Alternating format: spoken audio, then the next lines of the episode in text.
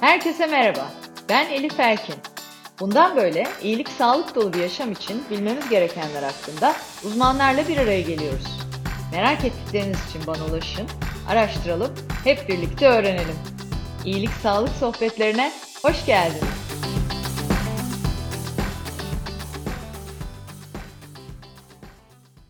İyilik Sağlık Sohbetleri'nin ilk bölümüyle karşınızdayım. İlk bölümde konuğum Profesör Doktor Ercan Karaaslan. Merhaba hocam, hoş geldiniz. Ee, iyilik Sağlık Sohbetlerine. Ee, ilkinde sizle birlikte olmak gerçekten bizim için çok büyük bir mutluluk. Size kısaca Ercan hocamı tanıtmak isterim. Profesör Doktor Ercan Karaaslan 1991 yılında Ankara Üniversitesi Tıp Fakültesinden mezun oldu. Ardından İstanbul Üniversitesi Cerrahpaşa Tıp Fakültesi Radyoloji Anabilim dalında ihtisasını tamamladı ve sonrasında yurt içi ve yurt dışı çeşitli sağlık ve eğitim kurumlarında mesleğini icra edip akademik çalışmalarını sürdürdü. 2008 yılından itibaren de mesleki ve akademik faaliyetlerini Acıbadem Sağlık Grubu bünyesinde sürdürüyor. Ee, öncelikle önleyici hekimlik, koruyucu hekimlik ne demek? Biz bunu çok duymaya başladık. Ee, gerçekten önleyebiliyor muyuz bazı şeyleri olmadan evvel?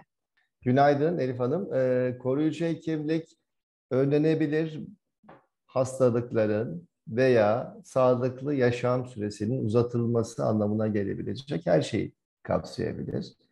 Ee, daha uzun yaşamak için mevcut sağlık sistemindeki, yaşam şeklinizdeki, diyetinizdeki değişikliklerden e, erken tanındığında tedavi şansı olan veya yaşam süresinizi kısaltmasına müsaade etmeyeceğiniz hastalıkların tanınmasını kapsayabilir. Benim profesyonel ilgi alanım radyoloji. Radyolojide daha çok önlenebilir hastalıklardan, sağlıklı yaşamla ilgili konsepte söyleyebileceğim şeyler, kardiyovasküler hastalıkların ve onkolojik hastalıklarının erken tespiti veya hastalık oluşturması engellenebilecek süreçlerde yönetilmesinden e, konuşabiliriz veya onları e, ön plan almak isterim müsaade ederseniz. Evet. Ee, uzun yaşam ve önlenebilir hastalıklar konusunda en önemli risk faktörü olan kanser, Amerikan istatistiklerine göre, 2020 yılı istatistiklerine göre dünyada yaklaşık 10 milyona yakın insanın, yıllık 10 milyona yakın insanın ölüm nedeni. Bunların en sık sebepleri tanı açısından meme kanseri, e, akciğer kanseri, kolon ve rektum kanseri, prostat kanseri, deri kanseri gibi kanserler sık rastlanmakla birlikte tedavideki etkinliklerine bağlı bu e, ölüm oranları değişkenlik gösteriyor.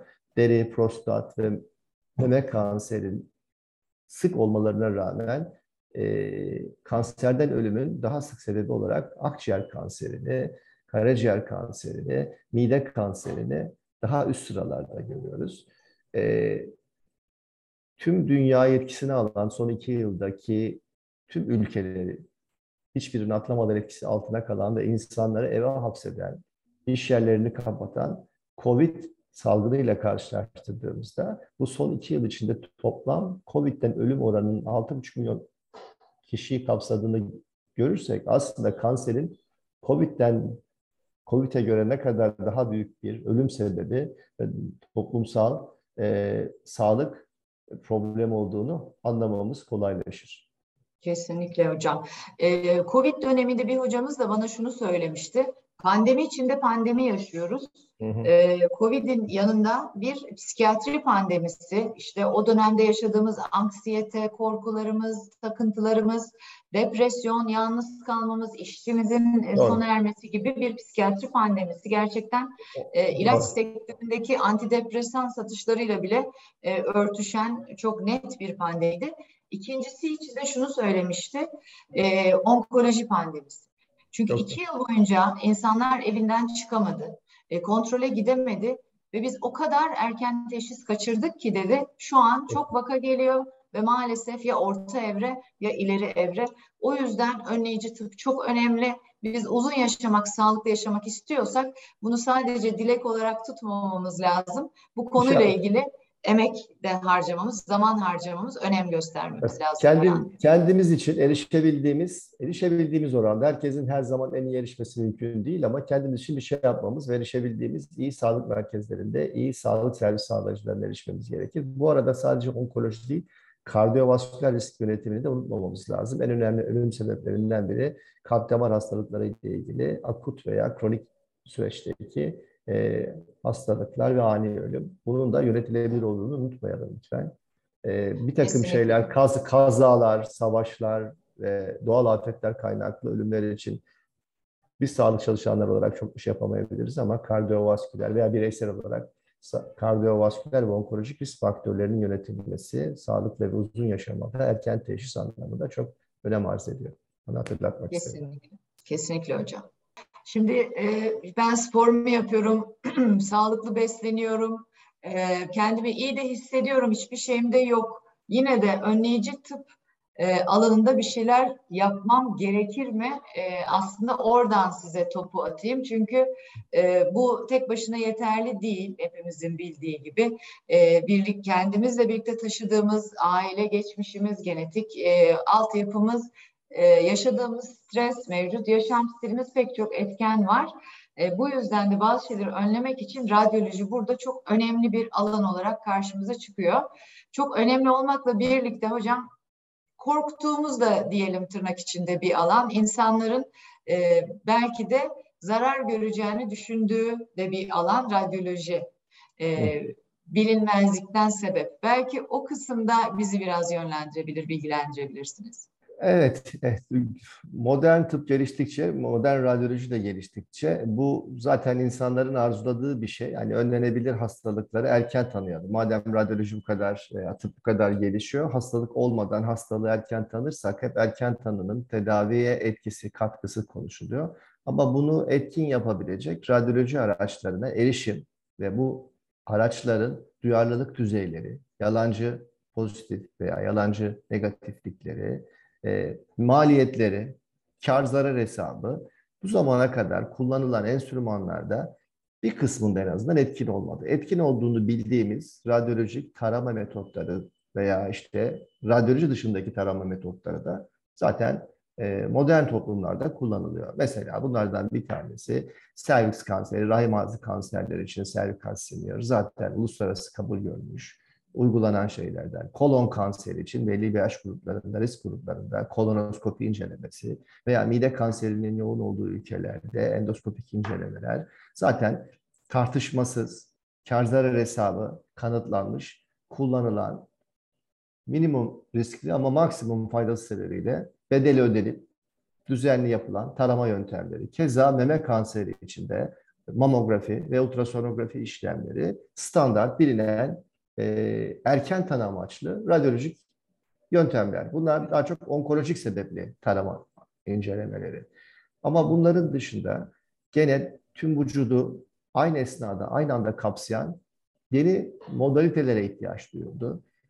Multislice CT dediğimiz CT'deki hızlanmanın getirdiği süre fiyat avantajı 2000'li yılların başında dünyanın bazı ülkelerinde bunlardan biri Uzak Doğu, Japonya ve diğer ülkeler, bir kısmı İngiltere'de bu konuda bir popülarite kazandı. Tomografi ile tüm vücudu tarama ama görüldü ki tomografide saptanan lezyonların oranıyla radyasyona maruziyet sonrası hastaların sekonder kanser olasılığı ve işlemin bütçesi arasındaki kar zarar hesabının sağlıklı olmadığı kanaatiyle bilimsel camia bunun doğru olmadığına karar verdi. Yani tomografi ile tüm vücut taramak kanser aramak etkin, doğru bir yöntem Bulun. değil. Sonrasında PET cihazı, o da 2000'lerin başında kullanıma girdi ve CT ile kombine edildiğinde tomografi ve PET metabolik görüntüleme ki biliyorsunuz PET onkolojik hastalıklarda altın standart ve çok sık kullanılan bir şeydir. Kanser yaygınlığını anlamakta ve tedavi yanıtını değerlendirmekte özellikle. Ee, ama bununla ilgili çalışmalarda bu işin maliyetinin, iyonizan radyasyonun ve radyoaktivitenin sağlıklı insanlara tarama amaçlı kullanmasının tıbbi doğru olmadığı konusunda hemfikir oldu. Onun dışında elimizde daha klasik, daha az zararlı olduğunu bildiğimiz karın içi ultrasonografi ve akciğer röntgeni de yıllardan beri kullanılır. Ama duyarlılıkları alanlarla ve yapanla sınırlı olduğu için her zaman istenilen sonuçlara ulaşamaz. Evet. Bunun Burada dışında, çok özür dilerim hocam. Burada şimdi benim e, hani burada özetle anladığımı söyleyecek olursam tomografi e, taramaları e, anladığım kadarıyla gerçekten bir e, ihtiyaç duyulduğunda yapılan taramalar, hekimin yönlendirmesiyle yapılan taramalar. Ama e, önleyici tıp başlığından, perspektifinden baktığımızda kolonoskopi, endoskopi gibi e, taramaların standart olarak bizim periyodik e, evet. tetkik e, anlamında hayatımıza girmesi gerektiğini anlıyorum e, ve önemli olduğunu anlıyorum. Belirli yaş e, sonrasında tabii ki belirli yaş gruplarında. E, bir de hocam son dönemde tüm vücut MR'ı çok duyuyoruz. Yani e, girilip bütün vücudu tek seferde tarandığı bir e, yine e, tetkikten bahsediliyor. Bunun da önleyici tıp anlamında en son teknolojik e, araçlardan biri olduğu söyleniyor. Hani burada tabii MR dendiğinde e, radyasyon veya kontrast madde gibi böyle az önce bahsettiğiniz yan etkiler var mı? İşte o kar zarar hesabı e, nasıl değerlendiriyorsunuz hocam? Evet, e, şimdi tomografi tekrar hatırlatayım. Çok doğru e, tekrar ettiniz ama gene de bilinmesini istiyorum. Tarama amaçlı kullanılması doğru değil. Tomografi çok önemli bir tıbbi cihazdır. Günlük pratiğimizde vazgeçilmez, çok katkıları olan bir cihazdır ama bunlar bir hekim tarafından istendiği ve gerekli olduğu durumlarda hiç kuşkusuz kullanmamız gereken ve kullandığımız çok önemli radyolojik görüntüleme cihazıdır. Tarama amaçlı sağlıklı insanlarda yıllık düzenli kullanılması konusundaki riskleri sebebiyle bunu hatırlatmak istiyorum. Çünkü toplumda bu konuda hep bir yanlış anlaşılma ve gereksiz endişe var.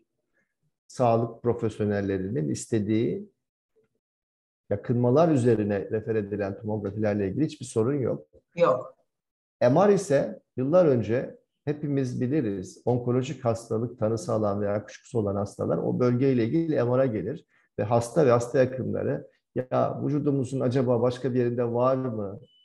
Biz tüm vücudumuza şöyle bir baktırsak temennisi söylerdi. Ben yaklaşık 94 yılından beri İstanbul'da Cerrahpaşa Üniversitesi ilk geldiği yıldan beri MR'la ilgilenen günlük pratiği 25 yıl aşkın bir süredir MR olan bir kişiyim. Bu süreçteki tarihsel değişimi de Türkiye'de ve dünyada yakından takip etme şansım oldu. Bu bir temenniydi, bu bir arzuydu. O zamanki fiziksel koşullar, maliyet, cihazların çekim bir bölge için çekim süreleri ve işte elde olunan protokollerin e, tıbbi tanıya olan katkısı bunu tıbbi anlamda çok kolay uygulanır bir e, sürece dönüştürememişti. Ama aradan geçen sürelerde tıpkı tüm elektronik aletlerde, kameralarda, bilgisayar teknolojilerinde, cep telefonlarında olduğu gibi hiç kuşkusuz tıbbın birkaç kere Nobel almış MR cihazına da yansıdı. Çok değerli bilim insanlarının dünyada yatırım yaptığı bilimsel ve endüstrinin desteklediği cihazlar da yıllar içinde inanılmaz gelişti.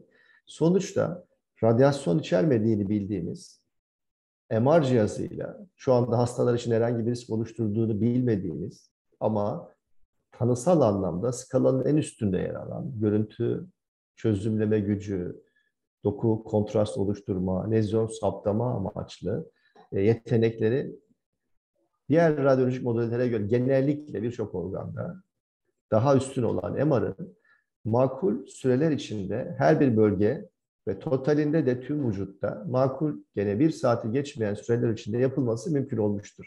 Bir kere önce hastaların içeride kalabileceği sürenin makul bir süre olması ve cihazların etki kullanılabilmesi için bunu sağlamak gerekiyordu.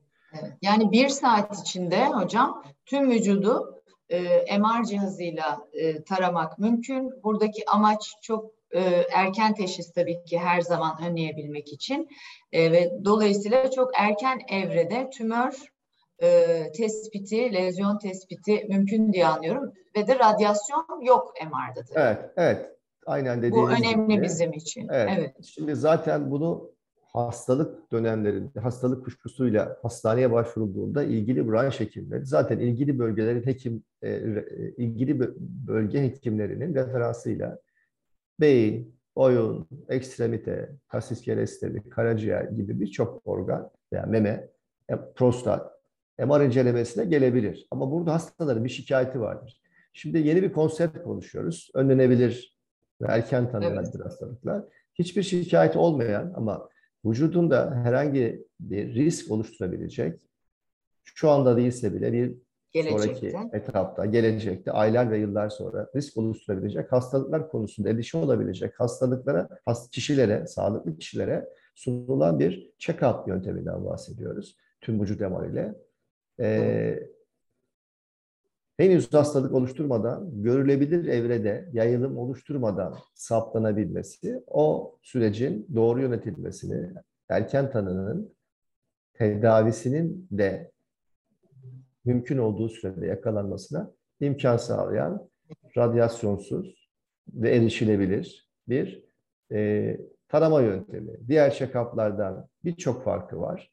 Bir kere anlattığım MR'ın özelliklerini, MR'ın avantajlarını kullanıyoruz. Doku çözümleme gücündeki, doku kontrastındaki lezyonlar erken saptamadaki avantajlarını, radyasyonsuz oluşlarını, tekrarlanabilir oluşlarını, hastaların evet. düzenli her yıl gelmelerinin hastalara bir sağlık, kümülatif bir sağlık riski oluşturmadığı tek inceleme. Tüm evet. vücudu görüntüleyen. Başka bir alternatifi yok. Bir de ne var? Tüm check-up'larda hep dedik ki akciğer, röntgen. Şimdi tabii ki risk gruplarında ona da mutlaka gelmen lazım. Sigara içici risk gruplarında mutlaka düşük doz toraks tomografi. Onun da yıllık taraması öneriliyor. Tıpkı mamografi önerildiği gibi, gibi meme kanserlerinde, erkeklerde ve daha doğrusu sigara içici kadın erkek 50 yaşın üstündeki herkesin artık röntgenle değil düşük doz toraks tomografisi ile düşük dozdan kastım yönetilen radyasyon dozu röntgen dozuna yaklaştırılmış. Ama e, çözümleme gücü ve lezyon saptama yeteneği e, en üst standartta olan tomografilerle akciğer kanserinin taraması yanında beyin dahil, beyin beyin dışındaki kalvaryal kemikler, boyun bölgesi, göğüs kafesi, hatta akciğer kanserlerinin ve karın içindeki tüm organları içeren dokuların tek tek her birini sayabilirsiniz. Karaciğer, evet. pankreas, böbrek, dalak, böbrek üstü bezleri, mesane, kadında jinekolojik organlar, erkekte prostat ve sonrasında e, alt ekstremite dediğimiz kemik ve yumuşak dokuların omurgayı da içine alacak şekilde her bir organa ait risk içeren lezyonların, onkolojik açıdan özellikle risk içeren lezyonların varlığı tüm vücut MR incelemeyle söylenebilir durumda. Evet, e, bu çok kıymetli hocam bence. Ben çünkü e, şöyle bir farkındalık oldu bende. Ben e, son 10 yıldır check-up yaptırıyorum ve e, check-up'ı yaptırdığım için de iyiyim diye düşünüyorum. Çok şükür e, bildiğim bir rahatsızlığım yok inşallah da olmadan öneriz hocam beraber. İnşallah. Ve sizinle birlikte ilk defa e, tüm vücut MR'ı ben de deneyimledim. E, tam da dediğiniz gibi 50 dakikalık bir e, sürede sonrasında da sizle yaptığımız görüşmede zaten beyinden başlayarak e, tüm organlarla ilgili de e, bilgi alma şansım oldu. Benim gibi 40 yaş üzerindeki kadınlar ya da erkekler için e, anlıyorum ki ve bir, bizzat da deneyimledim ki e, check-up rutininin içine, e, üzerine mutlaka tüm vücut MR'la da bir e, tarama yapmak lazım. Çünkü mesela şunu ben e, hiç düşünmemişim, fark etmemiştim. Aslında check-up'ta bizim bildiğimiz, her yıl girdiğimiz check-up'ta beyine bakılmıyor. E, halbuki tüm vücut MR'ı dahil ettiğiniz zaman hayatınızda beyin de dahil olmak üzere tüm organlarda birlikte e, tarama yapma şansınız var. Dediğiniz gibi anlıyorum ki vatandaş olarak e, rutin e, kontrollere ilave eğer varsa riskli bir e, geçmiş ya da hayatımızda sigara gibi bir faktör o zaman e, check-up ve tüm vücut MR'ın üzerine farklı tetkikler de gelebilir e, diye e, düşünüyorum. E, oldukça da bizler için aydınlatıcı oldu. Tıp bu kadar gelişmişken her yerde söylenen son 20 yılda 200 yıllık gelişme olduğu e, modern tıpta e, bu gelişmelerden faydalanmak e, mümkünken e, e, hepimizin aslında değerlendirmesi gerekiyor gerçekten hocam.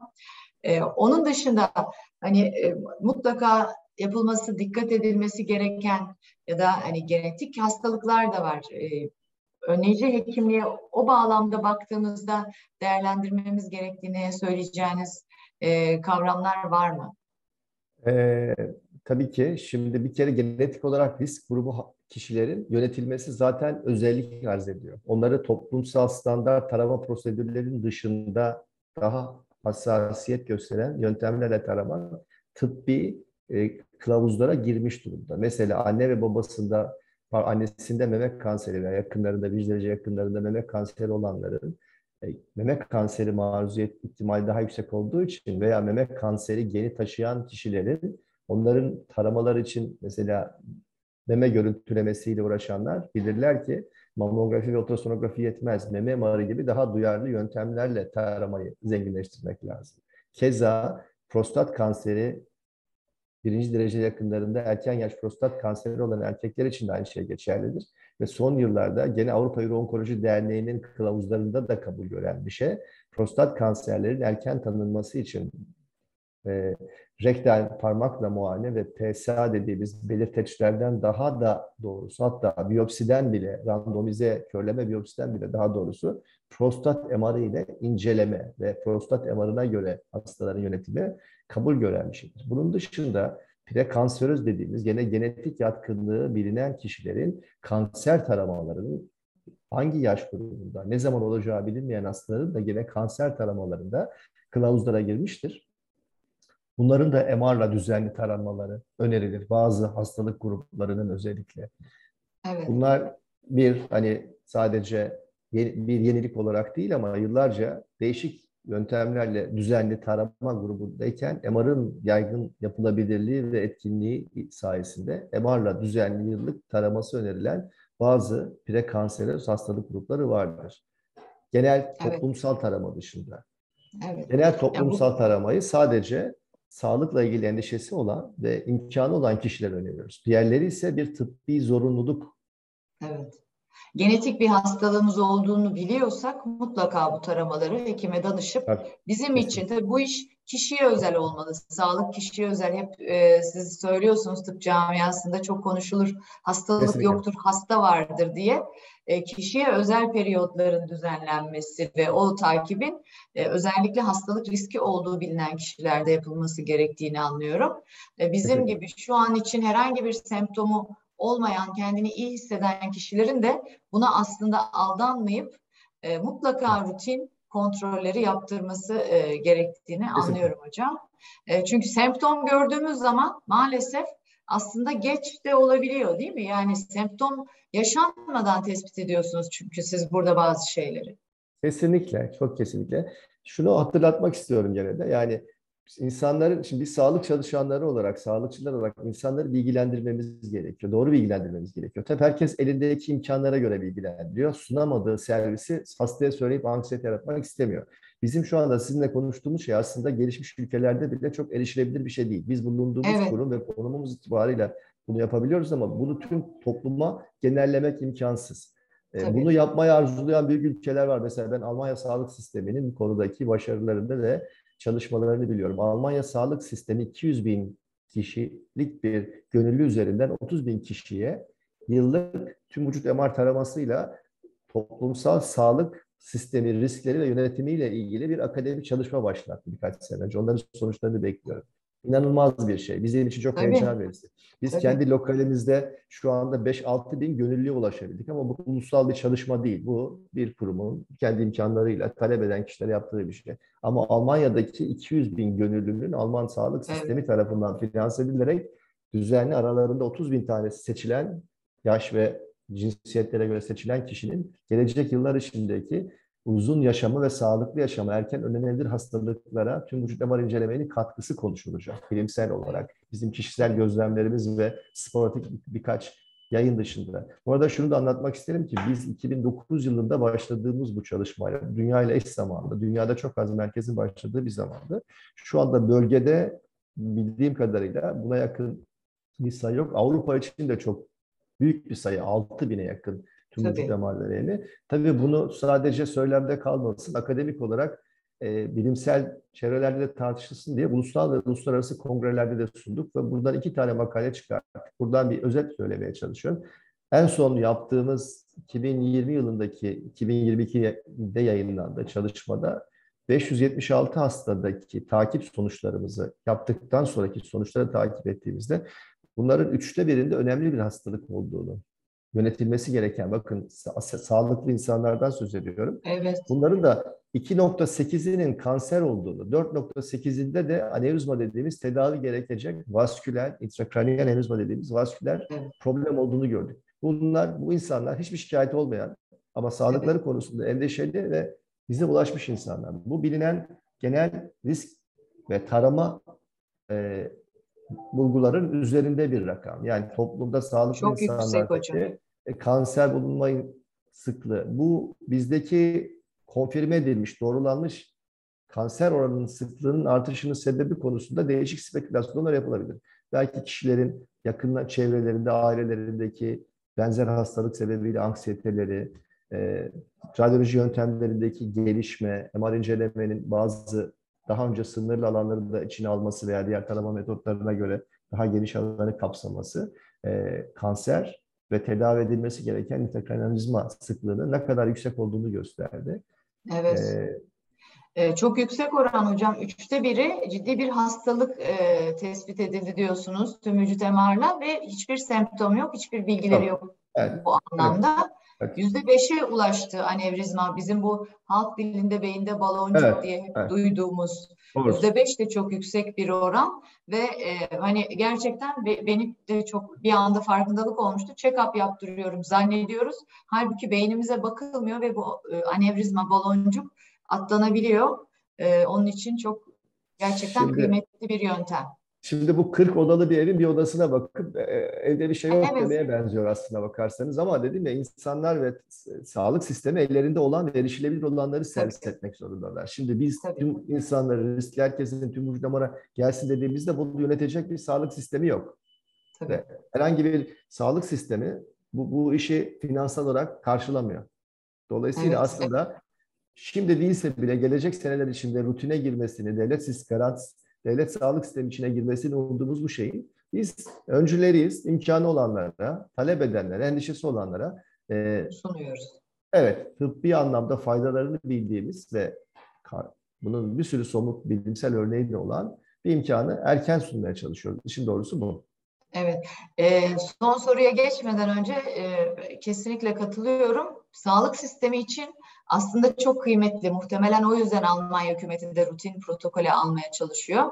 Çünkü ne kadar erken teşhis edersiniz görüyoruz ki tedavi o kadar e, daha e, pratik, o kadar daha kolay ve o kadar daha az maliyetli olabiliyor. Sonuçları da o kadar daha iyi oluyor. Yaşam o kadar Tabii. uzuyor. Hepimizin hayali de o. Daha uzun yaşayalım, ömür uzadıkça e, daha sağlıklı yaşayalım. E, son soruyu tüm e, konuklarımıza soruyoruz hocam. Aynı soru size soracağım ilk önce. Sizin iyilik sağlık rutininiz nedir? Siz neler yapıyorsunuz? Evet, ya bir kere huzur, iyi bir aile, dostlarla beraber yaşam, konforlu yaşam önemli. Ben açık havada bulunmayı ve yürüyüş yapmayı severim. Ve gereğinden fazla yememeye özen gösteririm. Harika. Ve de düzenli, kendi adıma, hastalarıma ve dostlarıma anlattığım check-up prosedürlerini, biraz önce söylediğim gibi tüm vücut MR'ı, koroner arterlerim için koroner, beta anjiyografiyi, sigara içmeme rağmen uzun aralıklarla düşük doz tomografi, akciğer tomografisi, kolon kanseri taramalar için kolonoskopi ve zaman zaman rutin kan testlerimi de yaptırırım. En azından önlenebilir bazı hastalıkların erken saptanması konusunda kendim için bir şey yapmış olayım. Ayrıca dostlarıma söylediklerimi kendimin de uygulamasının daha halaklı olduğunu bildiğim için bu uygulamaları kendim için, dostlarım ve ailelerim için öneriyorum ve yapıyorum. Harikasınız hocam. Çok teşekkür, teşekkür ediyorum ee, bizimle birlikte olduğunuz için. Ee, en kısa zamanda inşallah yüzde de görüşmek üzere. İnşallah. İyilik, Davetiniz sağlık teş- dileklerimle diyorum. Keyif bizim için hocam. Ne demek? Teşekkürler. Davetiniz teşekkür ediyorum. İyi günler diliyorum. Başarılar.